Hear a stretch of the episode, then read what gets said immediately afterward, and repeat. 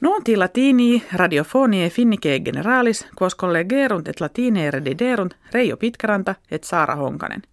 In studio Helsinkiensi estetiam Laurnissiin. Die mercurii regimen Svetie, cuipre est Stefan Löfven, fautor socialistarum fidem parlamenti amisit. Ex quo sequitur ut in Svetia dievicesimo altero mensis martii nova comitia parlamentaria instituantur. Res ad tantum discrimen venit, cum lex de dispensatione publica quam regimen promulgaverat, a legatis parlamentaribus repudiata est.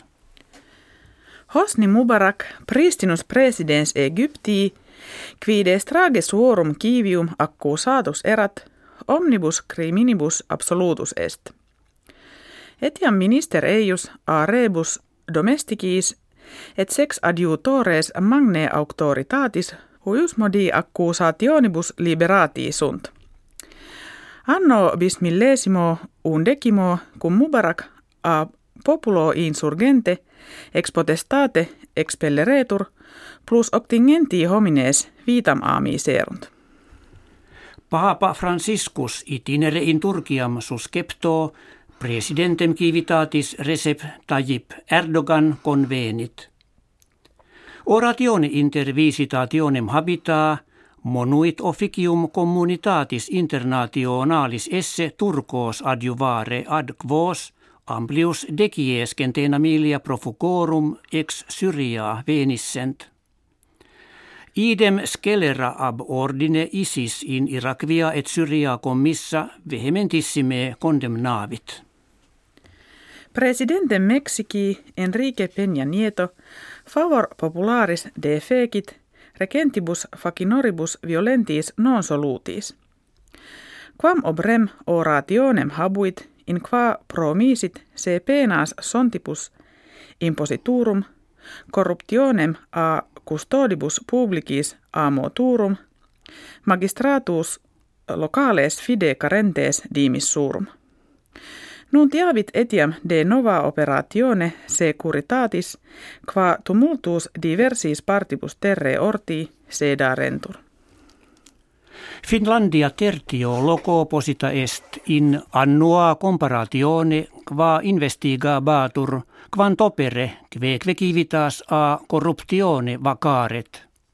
Terras omnium integerrimas se prestiterunt Dania et Novat Zeelandia – cum Svetia et Norvegia post Finlandiam sedem quartam et quintam occuparent.